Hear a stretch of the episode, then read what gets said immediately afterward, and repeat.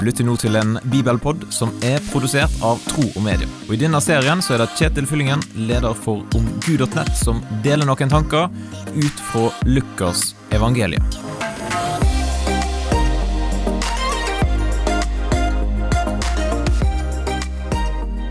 Er du interessert i slektsforskning? For meg så ser det ut som at når en kommer opp i en viss alder, da begynner folk å interessere seg for slektshistorie. Jeg vet ikke helt hvorfor det er sånn.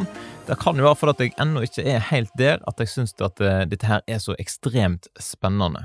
Men vi har alle ei slektstavle som vi kan se tilbake på. Vårt navn står i ei rekke av andre navn, mennesker som har eksistert før oss og tatt sine valg, og som et resultat av det så står vi her i dag. Jesus har òg en sexhistorie, og Lukas er tydeligvis nok interessert i den til at han bruker noen vers her i slutten av kapittel tre på å ta med slektstavla til Jesus.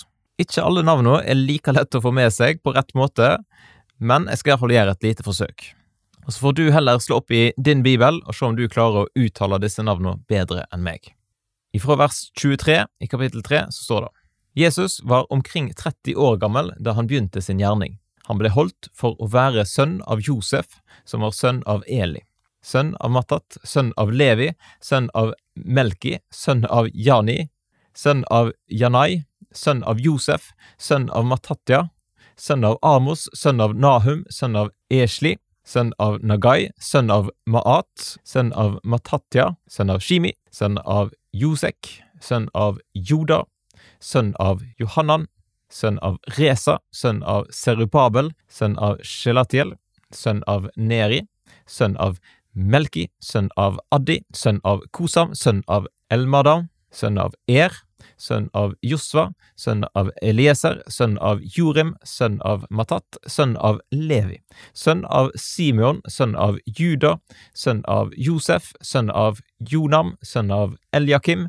sønn av Melea, sønn av Menna, sønn av Matata, sønn av Natan, sønn av David, sønn av Isai, sønn av Obed, sønn av Boas, sønn av Salma, sønn av Nasjon, sønn av Aminadab, sønn av Admin, sønn av Arni, sønn av Hesron, sønn av Peres, sønn av Juda, sønn av Jakob, sønn av Isak, sønn av Abraham, sønn av Tara, sønn av Nahor, sønn av Serug, sønn av Rehu, sønn av Peleg, sønn av Eber, sønn av Selja, sønn av Kenan, sønn av Arpakshad, sønn av Sem, sønn av Noah, sønn av Lamek, sønn av Metushal, sønn av Enok, sønn av Jared, sønn av Mahal-Alel, sønn av Kenan, sønn av Enosh, sønn av Seth, sønn av Adam, sønn av Gud.